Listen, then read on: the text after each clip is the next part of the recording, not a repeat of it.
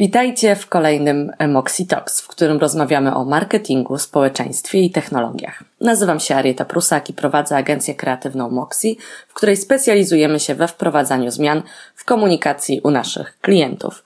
E, drodzy Państwo, z góry przepraszam, jeśli dźwięk w tym odcinku jest trochę gorszy, gorszej jakości. Prawda jest taka, że po ostatnim nagraniu nie wyłączyłam e, mikrofonu, rozładowała się bateria, już chciałam znaleźć pretekst, że hmm, chyba nie mogę nagrywać, bo nie ma baterii.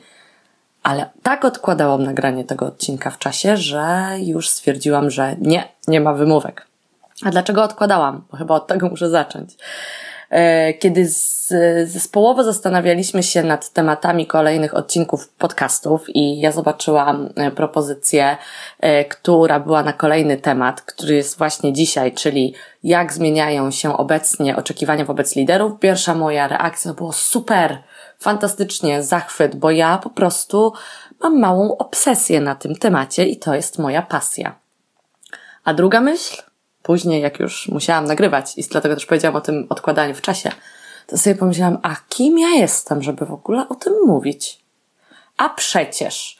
I tutaj jakby sama siebie muszę na początek o tym przekonać, tak myślę, i to jest, wiecie, z, czym, z, z czego to wynika?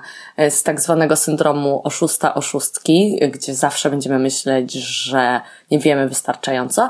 No i taka jeszcze inna kwestia, która jest na przykład, yy, przywarą perfekcjonistów, ale też w dużej mierze e, jak kobiety się z tym mierzymy, czyli takie przekonanie, że to co wiem to jest niewystarczające. No a przecież w kontekście tematu liderstwa i tego, jakie są oczekiwania obecnie wobec liderów i jak mogą oni wzmacniać swoje zespoły. No to jeśli chodzi o mnie i o to, dlaczego ja mogłabym w ogóle mówić o tym temacie, to z sukcesem od pięciu lat buduję mm, zespół agencyjny od roku w modelu pracy zdalnej. Każdy, kto podczas kwarantanny błyskawicznie musiał na ten model przejść, wie, z jakimi to się wyzwaniami wiąże. Na pewno są też inne wyzwania niż kiedy jest to zaplanowany proces. Gdybyście chcieli więcej o tym posłuchać, o zagrożeniach, o wnioskach naszych związanych z pracą zdalną po roku e, takiego modelu, to zapraszam do jednego z poprzednich odcinków. Poza tym, ja tak w sumie to prowadzę dwa zespoły, bo odpowiadam też za dział marketingu naszego klienta marki Kiosk, więc w Poznaniu, bo w tym momencie cały y, zespół taki korowy w Moxie, poza freelancerami, z którymi współpracujemy, y, stacjonuje w Poznaniu. W Poznaniu mam zdalny zespół, a w Bydgoszczy mm, zespół, który pracuje fizycznie w jednym miejscu, a ja do niego dojeżdżam raz w tygodniu. E, więc zupełnie też in, z inną e, kulturą organizacji pracuję i, no i po prostu prowadzę dwa zespoły naraz. Dla, poza tym, dla każdego projektu, u każdego klienta, u którego tworzymy e, strategię, czy wprowadzamy regularne działania komunikacyjne, zaczynamy od zbudowania odpowiedniego zespołu i u nas, i u klienta, i ja pomagam bardzo często też ten odpowiedni zespół e, zbudować. Moją największą pasją są ludzie, co dla mnie oznacza komunikację. Ja akurat poszłam w stronę marketingową w komunikacji, ale też tak zwane human resources, stwierdzenie, którego nie znoszę, e, czyli mm, e, budowanie właśnie sprawnie działających ze sobą zawodowo grup, mam na myśli zespołów. E, I Ostatnia rzecz. Kilka miesięcy temu, na początku 2020 roku, brałam udział, czy to było pod koniec, nieważne, kilka miesięcy temu, brałam udział w bardzo ciekawej e, konferencji, która dotyczyła innowacji, e, nowoczesnych metod prowadzenia biznesu, HR-owi, jakby i ja poszłam tam po inspiracje właśnie dotyczące innowacji i tego, jak w ogóle tworzyć nowe projekty i usługi. I masa tematów poświęcona była tworzeniom zespołów, yy, nowoczesnemu zarządzaniu organizacjami. I wtedy tak mnie to uderzyło a propos tego syndromu oszustki, że ja nic nie wiem, że większość tych rzeczy i rekomendacji, które są ze sceny wypowiadane, tak naprawdę z powodzeniem funkcjonują w Moxie od dłuższego czasu. E, I wtedy właśnie moja przyjaciółka mi powiedziała, Arieta, Oczywiście, że tak. Przestań po prostu y, jakby umniejszać temu, co robisz, bo sposób, w który wy pracujecie jest naprawdę no, bardzo nowoczesny, bardzo skuteczny i po prostu, zresztą też jakby w ogóle taką podstawą w misji i wizji w Moxie to jest stwórzmy sobie idealne miejsce do pracy, więc to oczywiście musiało stać się moją obsesją ten temat. E, I w kontekście mm, tytułu tego odcinka, czyli jak zmieniają się oczekiwania wobec liderów, to ja od razu chciałabym zaznaczyć, że ja nie będę mówiła o tym, jak było kiedyś. Wiadomo, dla niektórych to kiedyś to było lepiej, a dla innych to kiedyś było beznadziejnie, a wszystko, co teraz mamy, jest lepsze. Ale dlaczego ja nie będę mówiła o tym, jak było kiedyś? Bo ja nie wiem, jak było kiedyś. Ja wiem, jak jest teraz. A także sporo e, wiem o ludzkiej naturze i która przekłada się na środowiska pracy i z powodzeniem e, prowadzę bardzo efektywne w pracy z zespoły, bo wiem, czego te dwa właśnie zespoły, o których wspomniałam na początku, które bardzo serdecznie pozdrawiam, potrafią dokonać w jak krótkim czasie i jak po prostu efektywnie działają. No a poza tym to jest też tak, że sama jestem przedstawicielką pokolenia milenialsów. Pozdrawiam wszystkie osoby urodzone w latach 80., w drugiej połowie, naprawdę lat 80. No i w kontekście znowu tego opowiadania na konferencjach, jak to się zmieniają środowiska, dlaczego musimy się zmieniać, to kwestia jest taka, że no mamy tych milenialsów, zetów, y, które mają, te pokolenia, które mają zupełnie inne oczekiwania. Tak, takie mamy osoby w zespołach i takimi zespołami zarządzamy e, i prowadzimy. No ale u mnie jest też tak, że po prostu ja jestem przedstawicielką tego zespołu, więc ja sobie nawet nie, ja nie myślę w kontekście takim, że o, muszę coś e, dostosować, bo zmieniają się osoby, które pojawiają się na rynku pracy. Nie, ja po prostu wiem, czego mi brakuje, e, czego ja potrzebuję, żeby mieć satysfakcję i osiągać cele, które sobie zakładam i naturalnie dochodzę do wniosku, że to będzie też odpowiednie dla mojego zespołu. Poza tym, no w związku z tym, że tak jak powiedziałam, to jest moja mała obsesja, to i wiedza konferencyjna, i konsultacje z osobami, które prowadzą zespoły, czy po prostu lektury kilku książek, które w trakcie też podcastu będę Wam polecać i do nich nawiązywać. Też y, postaramy się, żeby były w opisie odcinka. Na pewno będą w opisie na blogu. Zapraszam na www www.moxi.pl. Dobra. Słuchajcie, to ponieważ nie będę mówić o tym, jak było kiedyś, to tylko powiem, jak jest teraz. Bo teraz jest tak, że firmy mogą poszukiwać talentów w dowolnym miejscu świata i tworzyć zespoły, które czasem nigdy się nie widziały na żywo w kontekście właśnie możliwości pracy zdalnej, w kontekście y, masy firm deweloperskich, które poszukują właśnie najlepszych talentów w zupełnie różnych y, częściach globu, czy na potrzeby jakiegoś projektu tworzone są w naszym zglobalizowanym świecie zespoły y, właśnie w różnych strefach czasowych i w różnych lokalizacjach. Zresztą to nawet nie muszą być różne strefy czasowe. Dla firm, które funkcjonują w stolicach e, państw, zawsze mm, ekonomiczniej oszczędniejsze, w cudzysłowie powiedziałabym, będzie to, żeby znaleźć pracowników w mniejszych miejscowościach, ale to nawet w ogóle nie chodzi mi o te pieniądze w związku z tym, że na przykład stworzenie stanowiska miejsca pracy jest tańsze w mniejszej miejscowości. Mam tu na myśli na przykład koszty wynajmu biura, ale po prostu chodzi o to, że wtedy naprawdę można znaleźć najlepsze talenty, jeśli nie ogranicza nas decyzja, podejmowanie decyzji y, w oparciu o to, czy ktoś jest zlokalizowany w tym konkretnym mieście. No bo kurczę, może się okazać, że właśnie ten najlepszy, ta najlepsza osoba mieszka w Pścimiu Dolnym. Pozdrawiam Pścim Dolny. Kiedyś e, tworzone były zespoły, tak zwane królestwa i twierdze, czyli stabilne, trwałe, bez dużych zmian na przestrzeni lat. I w ogóle to takie myślenie o tym, że zespół musi być stabilny, to było coś, co przyświecało wielu organizacjom. Powiem szczerze, mnie też.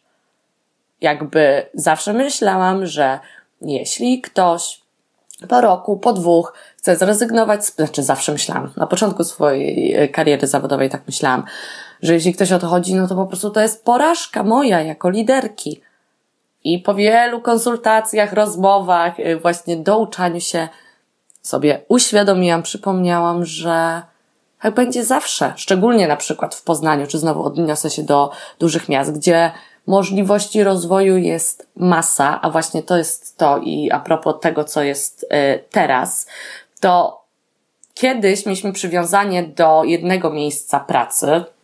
Odniosę się tutaj na przykład do naszych rodziców, którzy po prostu zawsze łapią, łapali się za głowę, yy, czy łapią się za głowę, jak słyszą jak dwudziestolatkowie, trzydziestolatkowie po prostu non-stop chcą coś zmieniać. No a teraz do czego jest przywiązanie? Do ciągłego rozwoju i nowości. Więc najlepsze talenty będą chciały zawsze tego te rozwoju i nowości. I teraz, jeśli nasza organizacja nie może im dać tego, czego oczekują w tym momencie, nie z uwagi na to, że jesteśmy słabi czy cokolwiek, na przykład nasze priorytety są w zupełnie innym kierunku ustawione, no to wiadomo, że odejdą.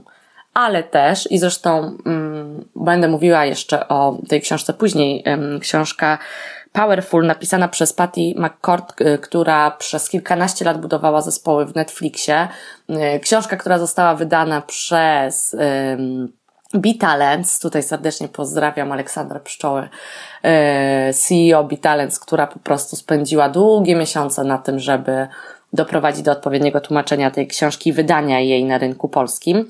W każdym razie Patty w w książce Powerful mówi też o tym, że z jednej strony talenty będą odchodziły, a z drugiej strony też za, trzeba sobie robić taką rewizję zespołów i zastanowić się, czy właśnie za to, mm, czy zależy mi na tym, żeby mieć stabilny zespół w takim starym rozumieniu, czy może jest tak, że moja organizacja potrzebuje teraz innych talentów i to liderzy sami powinni się też zastanawiać nad tym, czy potrzebują na przykład tych osób cały czas w zespole, więc rozstania i odejścia są czymś pozytywnym, a stabilizacja w takim klasycznym rozumieniu w ogóle nie jest dobra dla biznesu. Gdzie co teraz sobie uświadomiłam, bo tak mam tutaj ten skrypt i, i punkty, z którymi mam iść i opowiadać. I już widzę, ile zrobiłam dygresji po drodze i teraz właśnie się przekonuję, że ja naprawdę kocham ten temat. Ja nie rozumiem, po co ja tak odkładałam nagrywanie tego odcinka. No ale dobra. Wracam, bo dygresję robiłam. Kiedyś zespoły twierdze, a teraz zespoły, słuchajcie, namioty, które są budowane na potrzeby jednego projektu, a po jego zrealizowaniu członkowie przenoszą się zupełnie gdzie indziej. I to może być tak, że w strukturze firmy na przykład stworzony jest e, zespół e, namiot z przedstawicieli różnych działów, bo właśnie musi być jakiś nowy produkt czy nowy projekt zaimplementowany, albo chcemy znaleźć rozwiązanie jakiegoś problemu. Z naszego agencyjnego punktu widzenia, to my cały czas do każdego projektu właśnie tworzymy zupełnie nowy namiot i też właśnie na potrzeby jakiegoś okresu czasu, bo w momencie, kiedy tworzymy strategię, pracują nad tym inne osoby, później na przykład pracujemy nad stroną internetową, identyfikacją wizualną, zupełnie inny zespół, a w komunikacji bieżącej będzie to inny zespół. I teraz czego potrzebują te namioty, które e, liderzy muszą się też uczyć e, stawiać e, bardzo szybko? One potrzebują umiejętności szybkiej adaptacji, samozarządzania i samoorganizacji. No i teraz tak, zaraz, zaraz. Samo zarządzanie, samoorganizacja, no to gdzie tutaj przestrzeń dla lidera? Oj, tutaj to lider, liderka jest kluczowa i kluczowy i ja będę o tym e, jeszcze mówić. Kiedyś panował taki kult eksperckości, to znaczy on cały czas panuje, bo też bardzo się specjalizujemy, czy to jest dobre, żeby się specjalizować, czy nie. Ja myślę, że to jest dyskusja na inny e, odcinek, ale mm, mówi się też, jakby tak się przyjęło, że żeby być ekspertem w jakimś temacie, to potrzebujemy siedmiu lat, żeby się nim zajmować. No a prawda jest taka, że teraz, a propos tego, że wiem jak jest teraz tylko, to są zawody, które w ciągu lat to powstaną i znikną. E, I w kontekście tego, co też powiedziałam, że nasi rodzice to mogą nie rozumieć, jakim cudem my tak ciągle zmieniamy te ścieżki zawodowe, my nie mamy wyjścia, bo tak szybko pędzi świat, w którym jesteśmy i osoby, które są na studiach, i sobie myślą, dobra, ja mam taką karierą się zajmować przez całe życie, no nie będziesz się zajmować, jakby życzyłabym ci tego, ale tak nie będzie. Więc y, w kontekście tej eksperckości, tego jak jest teraz, to teraz najważniejszą e, potrzebą jest to, yy, potrzebą rynku, nazwijmy to, czy potrzebą właśnie biznesową, mm, jest to, by ekspresowo yy, nabywać nowe umiejętności i wiedzę i ekspresowo równie umieć zapominać o tym, czego się nauczyliśmy i przechodzić dalej do innego namiotu. Kiedyś, to już powiedziałam, przywiązanie do jednego miejsca pracy, a później przywiązanie do rozwoju i nowości. Kiedyś praca tylko w biurze, w fabryce, w zakładzie produkcyjnym. Teraz bardzo często praca zdalna lub miks tych dwóch form. Jakie y, jest obecnie główne zadanie lidera w kontekście tej samoorganizacji, samozarządzania? Obecnie lider, liderka musi mieć jedną rzecz. Tworzyć sprawnie funkcjonujące zespoły. I jak może tego dokonać?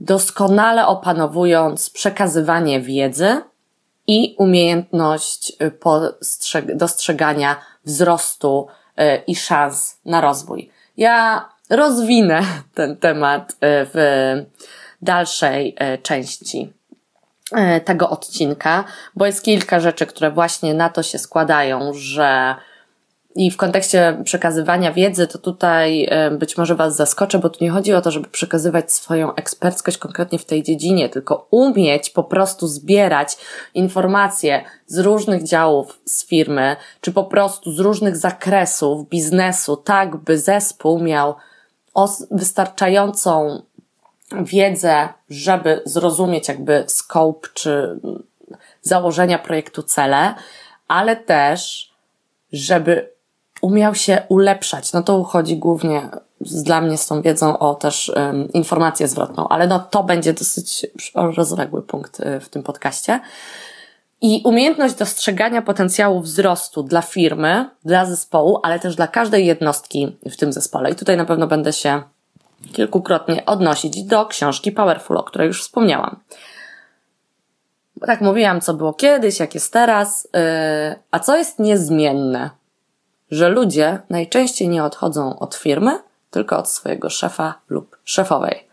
Dlatego właśnie dla obecnych liderów, przyszłych liderów, nagrywamy ten odcinek, żeby może przypomnieć, wskazać, zainspirować, na co warto zwrócić uwagę w Waszej pracy, po to, żeby właśnie Wasze zespoły osiągały możliwie najlepsze rezultaty, bo na koniec dnia taki właśnie jest cel, prawda?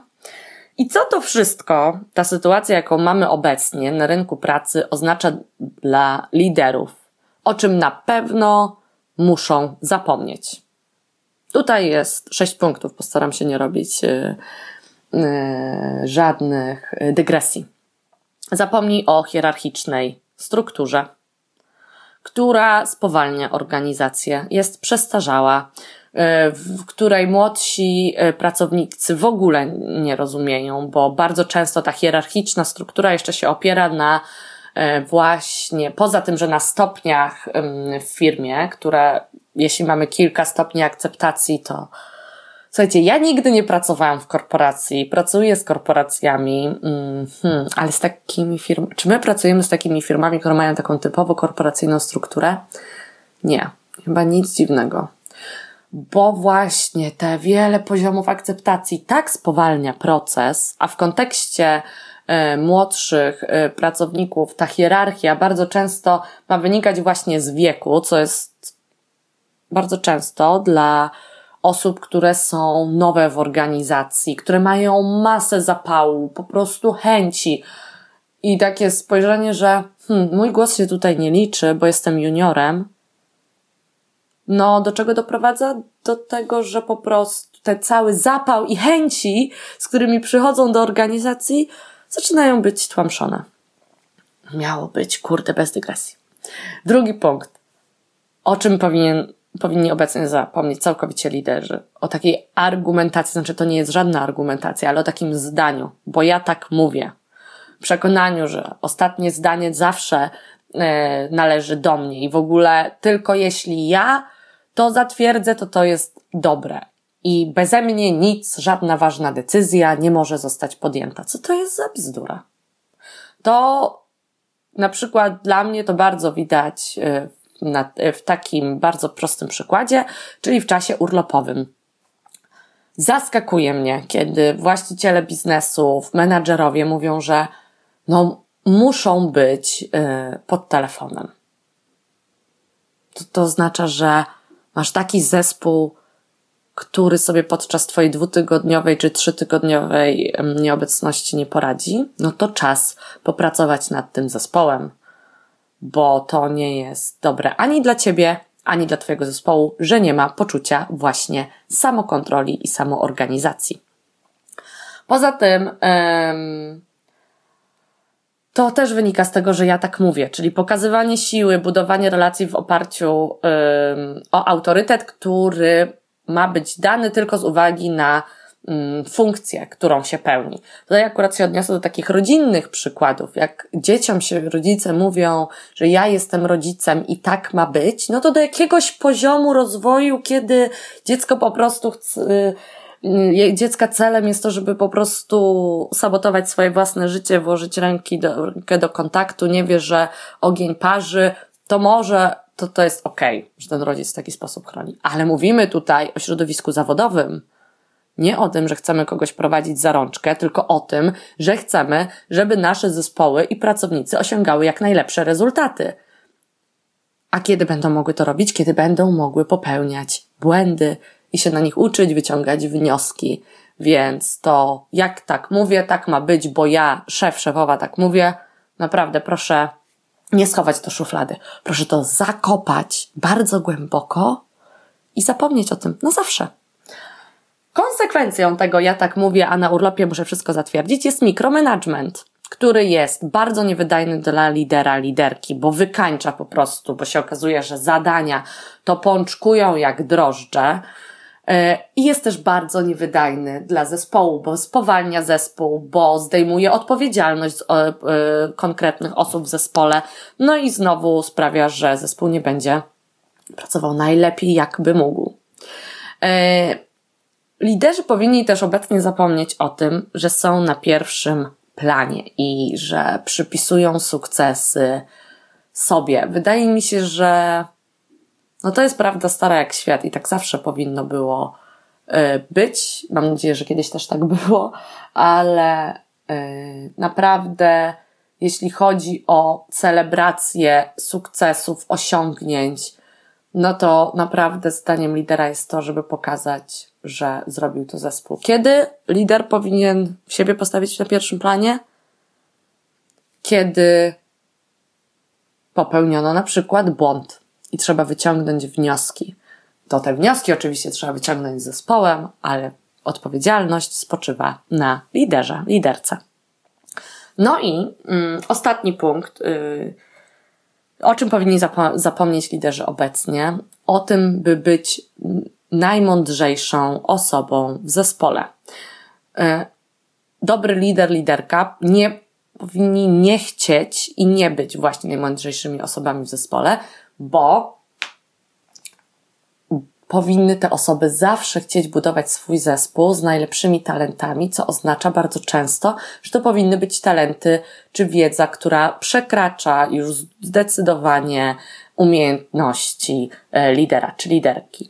I mm, w kontekście tam też tych urlopów, o których wspominałam, to tutaj bardzo chciałabym pozdrowić moją przyjaciółkę Joannę, która jako w tym momencie to liderka zespołu Scrum Masterów pomaga i tworzy fantastyczne zespoły, właśnie namioty na potrzeby e, projektów. I ona mi z czasów, kiedy ja uprawiałam straszny mikromanagement, powiedziała takie zdanie, które ja po prostu uwielbiam, że najlepszy lider to taki, którego zespół pod jego długą nieobecność będzie pracował jeszcze sprawniej i jeszcze wydajniej. Dlaczego? Bo czuje odpowiedzialność za projekt, zna cel, nad jakim pracuje zespół, zna zadanie i umie ze sobą współpracować skutecznie, ponieważ lider lub liderka ich tego nauczyli. Ja tutaj to chyba powinnam zrobić mic drop i odcinek zakończony. Bo myślę, że no dla mnie to było jak, jakieś objawienie i Anno naprawdę bardzo Ci za to dziękuję, jeśli słuchasz tego podcastu. Zresztą już Ci za to dziękowałam. Aj, Arieto, muszę tutaj, słuchajcie, siebie przywołać do porządku, bo widzę, że już mówię ponad 20 minut, a jesteśmy, no nie, nie jesteśmy w połowie. Jakie wobec tego są oczekiwania wobec liderów obecnie? Pierwsze i najważniejsze, że potrafi pracować z pracą, y, ciągle pracować z informacją zwrotną. I powiem Wam, że ja w ogóle w procesie rekrutacji bardzo często, jak już, bo u nas zwykle jest tak, że e, rekrutacja jest trzyetapowa, jest to zadanie e, rekrutacyjne, jeszcze jest to ankieta online, później po wykonaniu, tutaj taki od razu, gdyby na przykład słuchały tego osoby, które aplikują do Moxie, w ogóle to jest tak. Jak ktoś wykona zadanie, wypełni ankietę, to wtedy sprawdzamy CV bo w kontekście tego, że ciągle się czegoś nowego uczymy, to po prostu dla mnie to, jakie ktoś ma wykształcenie, nie ma żadnego znaczenia. E, I jeśli ktoś przejdzie pozytywnie te etapy, no to na kolejnym, ostatnim jest prowadzona właśnie rozmowa. Chociaż ostatnio to w ankiecie już to pytanie padło, czyli nie było podczas rozmowy go, ale ja bardzo lubię je zadawać. I to pytanie brzmi: Jaka była najbardziej konstruktywna informacja zwrotna, jaką otrzymałaś, otrzymałeś w dotychczasowej swojej karierze zawodowej? Ja jestem przerażona. Ludzie w ogóle nie podają praktycznie żadnych e, przykładów yy, i żalą się dosyć często, że właśnie nie otrzymali takiej konstruktywnej informacji zwrotnej, ale co też bardzo dla mnie ciekawe, cały czas pokutuje takie myślenie, że informacja zwrotna to jest krytyka, a to w ogóle nie o to chodzi. Bo kiedy mówię o tym, że lider ma fantastycznie pracować z informacją zwrotną, to moje tutaj trzy rzeczy, które sobie napisałam jako główne. Chwal, nagradzaj, wzmacniaj.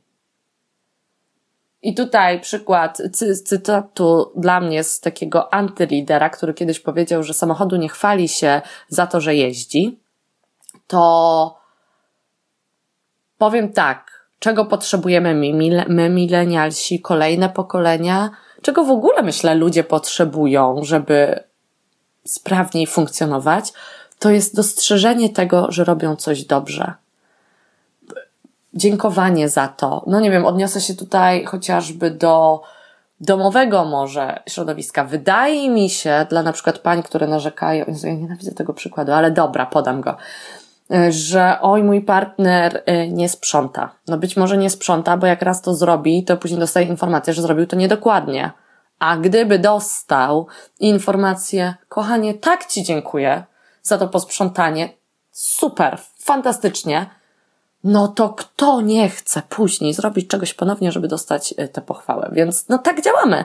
I pochwały są, uważam, że tutaj się też w sumie odniosę do Joanny, która kiedyś mi mówiła o tym, że po jednej negatywnej informacji chyba musimy podać kolejne trzy pozytywne, bo tak mocno jakby negatywne dla siebie zbieramy, żeby się wyrównał tak zwany y, poziom y, czekolady w kubeczku, bo każdy z nas nosi taką filiżankę przed sobą z gorącą czekoladą i albo nam ktoś zabiera z tego kubeczka, albo tam dodaje.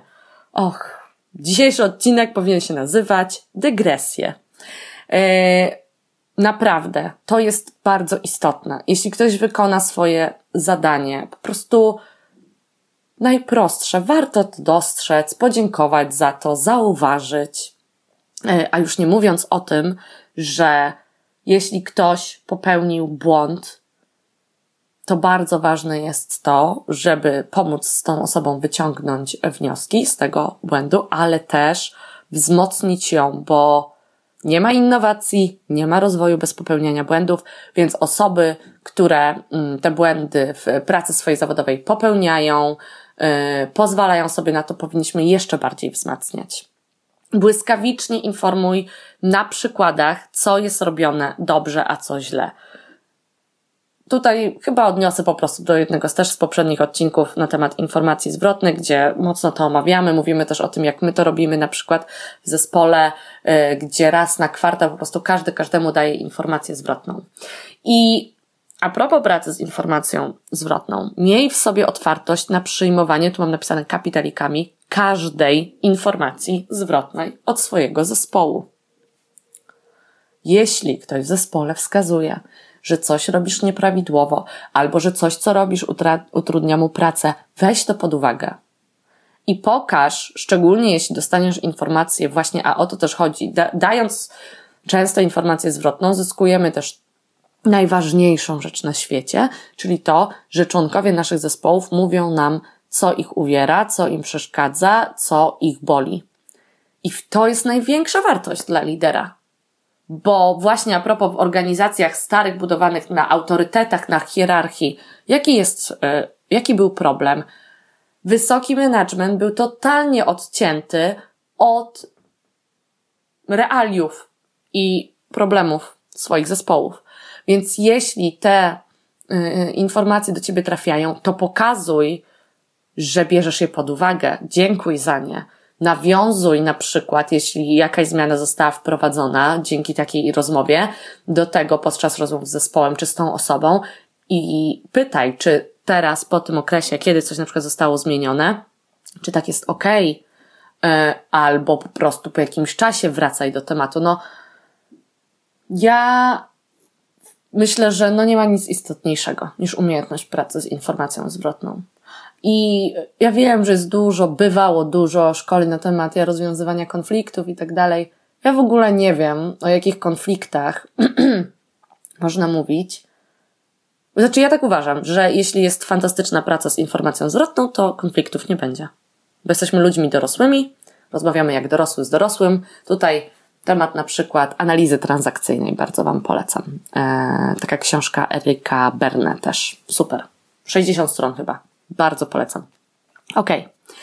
Lider y, i liderka obecnie musi pracować na wizji i celach nie tak bardzo jak na KPI. KPI są pochodną tej wizji i celów.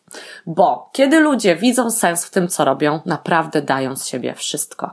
Tylko kiedy widać całość projektów, są jakby całość założeń i mm, ten właśnie główny cel, ale też wartości, w oparciu o które chcemy pracować nad rozwojem projektu firmy, no to wtedy mogą proponować zmiany i innowacje, bo widzą, że na przykład praca, którą wykonuje, odbiega od kursu, który firma sobie założyła, czy zespół. Poza tym w kontekście zespołów namiotów, no to to jest bardzo istotne, żeby ta wizja i cel były jasne.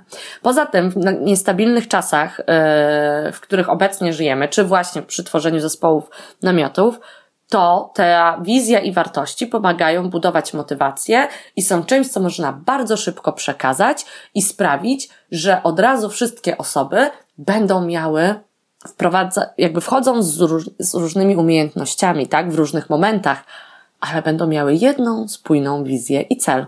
I to musi przekazywać lider, liderka, musi stać na straży tego, ale też w kontekście pracy z informacją zwrotną, mieć otwartość na to, żeby na przykład wziąć pod uwagę, żeby zmienić cel. Czy w kontekście bardzo y, dobrze pracujących na wartościach organizacji jest weryfikacja tych wartości co rok, co dwa. No w tym momencie jest tak, no kiedyś to się budowało strategię na 5-10 lat. No to se nevrati. No tak już nie będzie.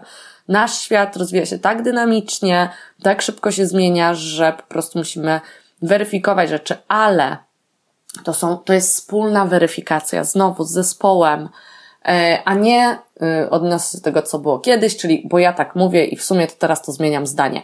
Myślę, że najgorsze, co może być, to kiedy zespół pracuje na to, żeby podobało się szefowi albo szefowej.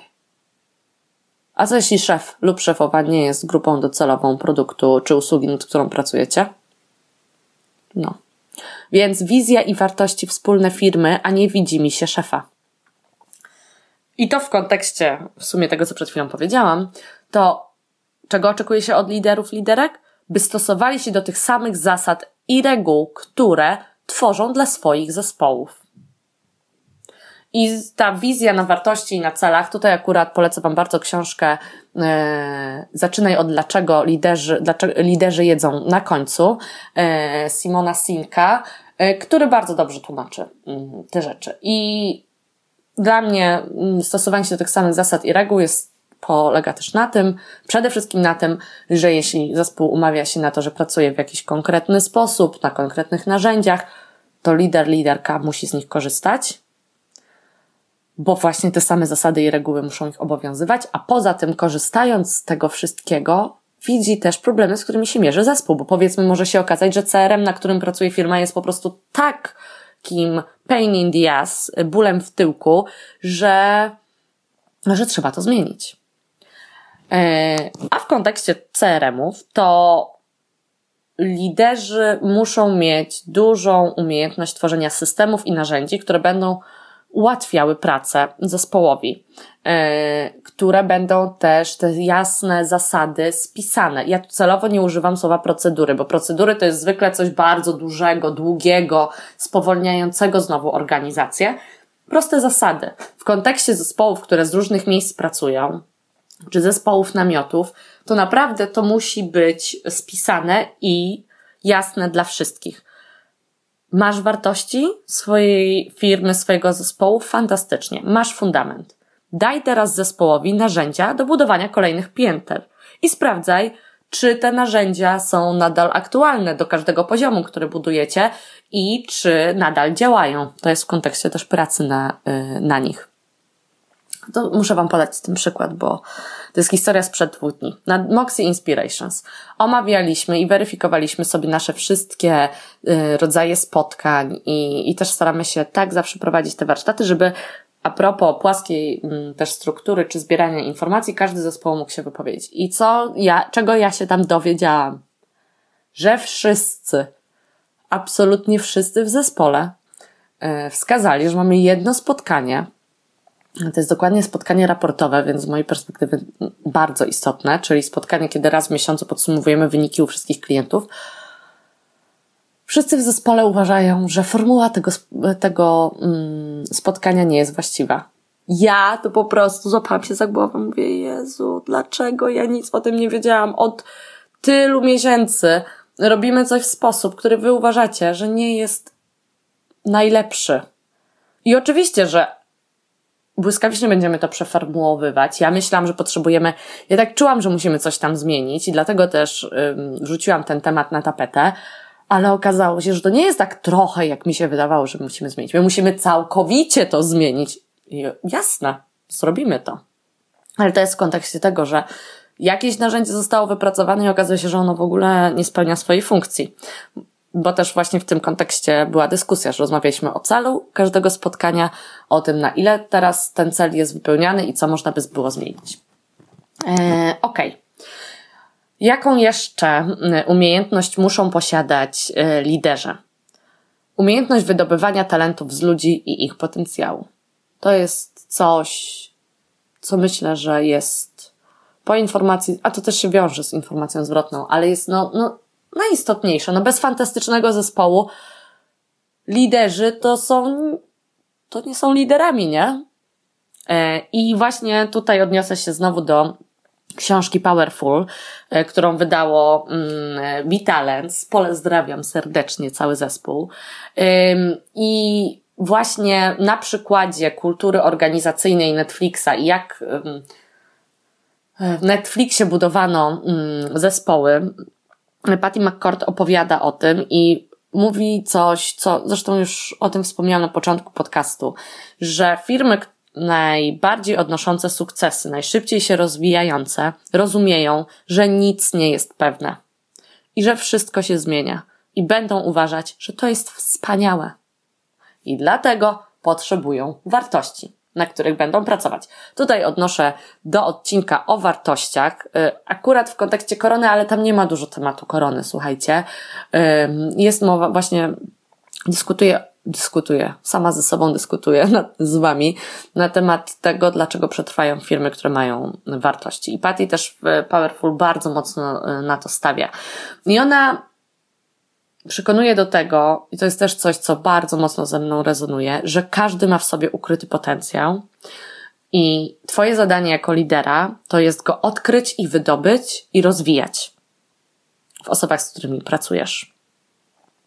A nie tłamsić i dostosowywać do zasad, jakie panują w firmie. Patty co pięć stron mówi, że kogo obchodzą słodkie czwartki czy tam owocowe, multisporty i inne benefity, kiedy ludzie czują, że robią coś, co nie ma sensu. I że absolutnie wszyscy z nas chcą tego samego. Pracować z odpowiednim zespołem, z ludźmi, którym ufamy i których podziwiamy, i razem możemy osiągać fantastyczne wyniki. No, przepis na sukces. I też wskazanie na to, czego naprawdę potrzebujemy w życiu zawodowym i w ogóle chyba w życiu. I pamiętaj też o tym w kontekście tego wydobywania potencjału, że każdy z pracowników ym, jakimś czasie się wypala.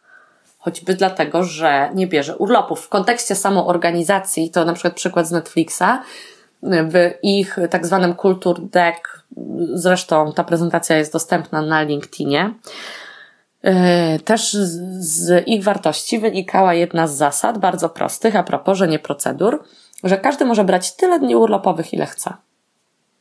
Niech po prostu decyduje, ile potrzebuje i jak to się ma do projektów, w których uczestniczy. I co się okazuje? Ludzie wcale nie brali więcej dni urlopowych niż standardowo e, się zakłada. Podchodzili do tego racjonalnie. E, I w kontekście tego wydobywania potencjału i właśnie wypalania się, no to, to może być albo przepracowanie u pracowników, albo to, że potrzebują nowych wyzwań. I to nie zawsze musi być awans. To mogą być zupełnie innej dziedzinie, na przykład zadania, przeniesienie do innego zespołu, czy dołączenie do jakiegoś zespołu namiotu na chwilę.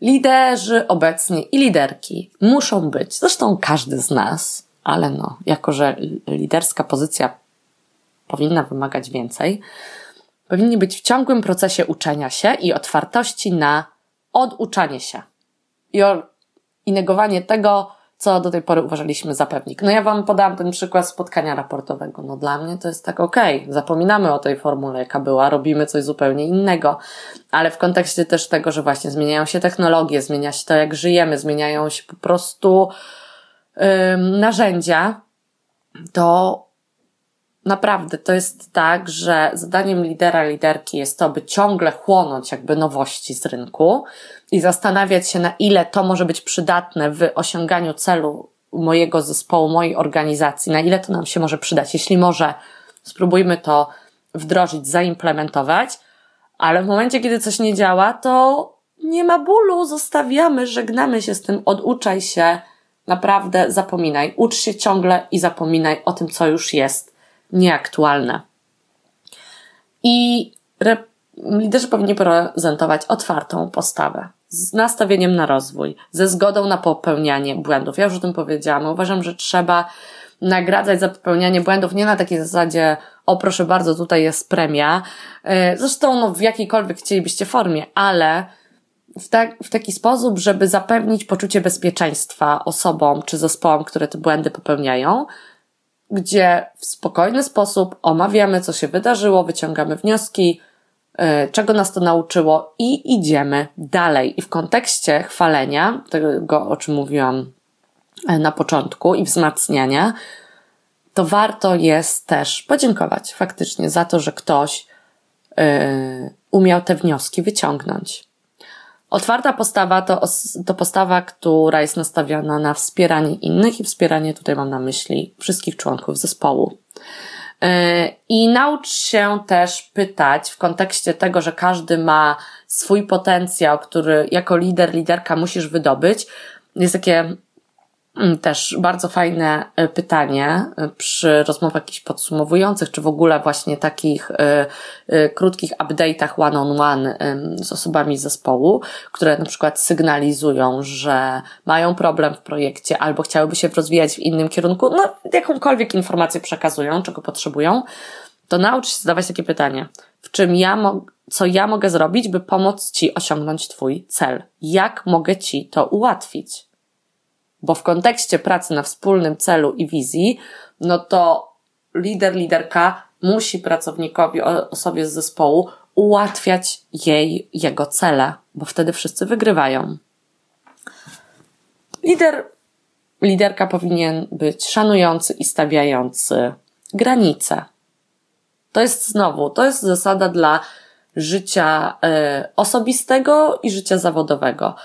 Y, czyli zrozumienie, że jest czas na pracę i odpoczynek. Znowu się odniosę do tego, że pracujemy zdalnie i, mo- i y, komputery to często mamy w kieszeniach w swoich telefonach. Jeśli nie będzie tego rozgraniczenia w organizacji, to ludzie prędzej czy później się wypalą. Czy granice tego, jak, z jakich komunikatorów korzystamy. No, dla mnie to i tutaj bardzo jestem wdzięczna swoim e, pierwszym e, szefom. Pozdrawiam Michała i Konrada, którzy mnie tego nauczyli, że jeśli coś się wali i pali i trzeba się skontaktować w weekend, na przykład najpierw wysyłają SMS-a i pytają, czy mogą. Albo nie dzwonili do mnie w godzinach wieczornych. Dla mnie to jest oczywiste i uważam, że takie zasady trzeba e, wprowadzać i dostosować oczywiście do e, tego, jak pracuje Twój zespół. E, czyli też a propos y, szacunku do granic, to monitoruj właśnie poziom wypalenia w zespole i u siebie. To jest bardzo ważne. Ja przez takie wypalenie przeszłam. Polecam odcinek o tym, że odpoczynek jest ważniejszy niż praca. Trochę y, więcej na ten temat. No i właśnie te zasady i granice y, liderzy powinni opracowywać z zespołem. To są tak zwane kontrakty, które podpisujemy na przykład czasami na warsztatach a propos zespołów namiotów, które mogą być na przykład namiotem na jeden, dwa dni, ale no w pracy takiej codziennej też takie kontrakty powinny być podpisywane, y, gdzie wszyscy się zgadzają na to, że właśnie takie granice, takie zasady mamy. Y, kiedy wszyscy je stworzymy, no to wtedy też łatwiej jest nam ich pilnować wzajemnie. I ostatni punkt z transparencją w komunikacji. To w kontekście przekazywania wiedzy, to właśnie miałam na myśli informację zwrotną i transparencję w komunikacji, informowanie o wynikach finansowych firmy, o w ogóle sytuacji firmy, czy o jakiejkolwiek sytuacji, wyzwaniach, z którymi zespół się w tym momencie mierzy. Dlaczego? Po pierwsze, to wiele informacji, to można znaleźć, zdobyć online. E, a kiedy ludzie wiedzą, jakie są konsekwencje, jakie są zagrożenia, z którymi zespół się mierzy, dzieją się cudowne rzeczy. Zaczynają się zastanawiać, jak mogą pomóc, szukać innych rozwiązań.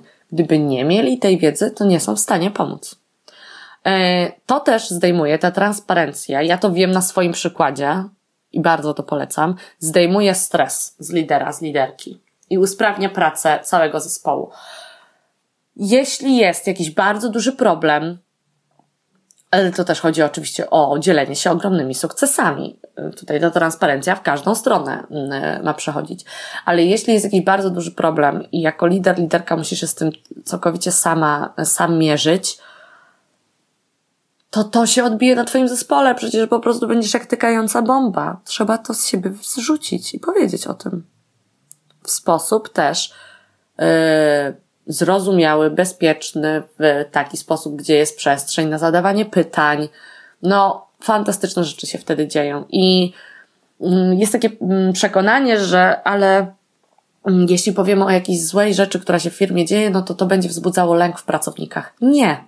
Największy lęk to wzbudzanie wiedzy, a najgorsze co zabija produktywność zespołów, to są ploteczki na korytarzach i y, zbieranie po prostu do kupy elementów układanki, gdzie się coś zasłyszało tu, tam, bo wiadomo, że te, y, jeśli jest kryzys, to to się nie ukryje. Więc to jest aż paraliżujące i myślę, że wiele osób może w kontekście na przykład kwarantanny do tego się odnieść, że to poczucie, że nie wiem, co się dzieje w firmie, nie wiem, kiedy wybuchnie jakaś bomba albo jakaś informacja na nas spadnie, to aż tak paraliżuje przed możliwością wykonywania swoich zadań.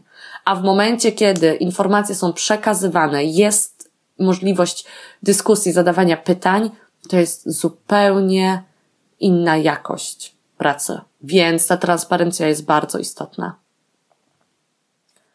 I po tych wielu dygresjach yy, dochodzę do końca i mm, i tutaj jest takie właśnie y, ostatnie pytanie, które sobie zadałam. Idealny lider, liderka. I powiem Wam, że mm, no, to jest akurat forma podcastu jest taka, że się słyszymy, nie widzimy, ale no, dla każdego odcinka tworzymy grafikę.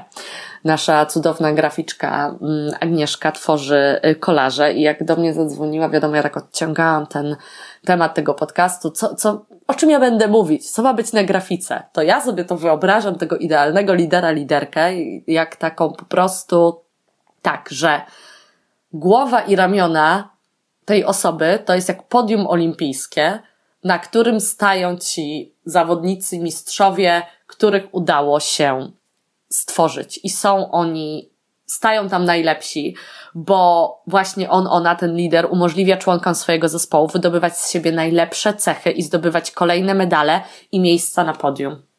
Jeśli tylko chcą to medale i te miejsca na podium zdobywać. Więc ja to tak widzę. Yy, yy, widzę w grafikach, jeszcze mówiłam Agnieszce, że to jest tak, że przez wielkie ucho lidera, liderki, która potrafi dobrze słuchać i zbierać informacje, wchodzą ludzie, przechodzą przez głowę i wychodzą drugim po prostu z medalami, bo dzięki temu, że właśnie wysłuchało się informacji na temat tego, z czym są problemy, jak możesz pomóc, no to wychodzą mistrzowie z Twoją pomocą. I uważam, że jeśli zatrudniasz najlepszych ludzi, a tylko to ma sens, których potrzebujesz i zapewnisz im informacje, tutaj to jest kapitalikami, a propos tej transparentności też, i narzędzia, dzięki którym mogą doprowadzić cię do punktu, w którym chcesz się znaleźć, nie będą chcieli niczego innego niż wykonywać fantastyczną pracę, działając w elastycznym, stabilnym systemie, który razem stworzycie. I tego bardzo Wam serdecznie życzę. E, gdybyście mieli jakiekolwiek pytania, przemyślenia, z czymś się nie zgadzacie, co, na co wskazałam w tym odcinku, bardzo serdecznie zapraszam do dyskusji. E, czekam na maile biuromałpa e, na naszych mediach społecznościowych Moxi Agencja Kreatywna. Znajdziecie mnie też, znajdziecie nas na Facebooku, Instagramie i LinkedInie. Znajdziecie też tam e, moje profile e, prywatne. Zachęcam do dyskusji i jestem ciekawa, co Wy sądzicie na temat oczekiwań obecnie wobec najlepszych liderek i liderów. Wielkie dzięki i do usłyszenia w kolejnym odcinku.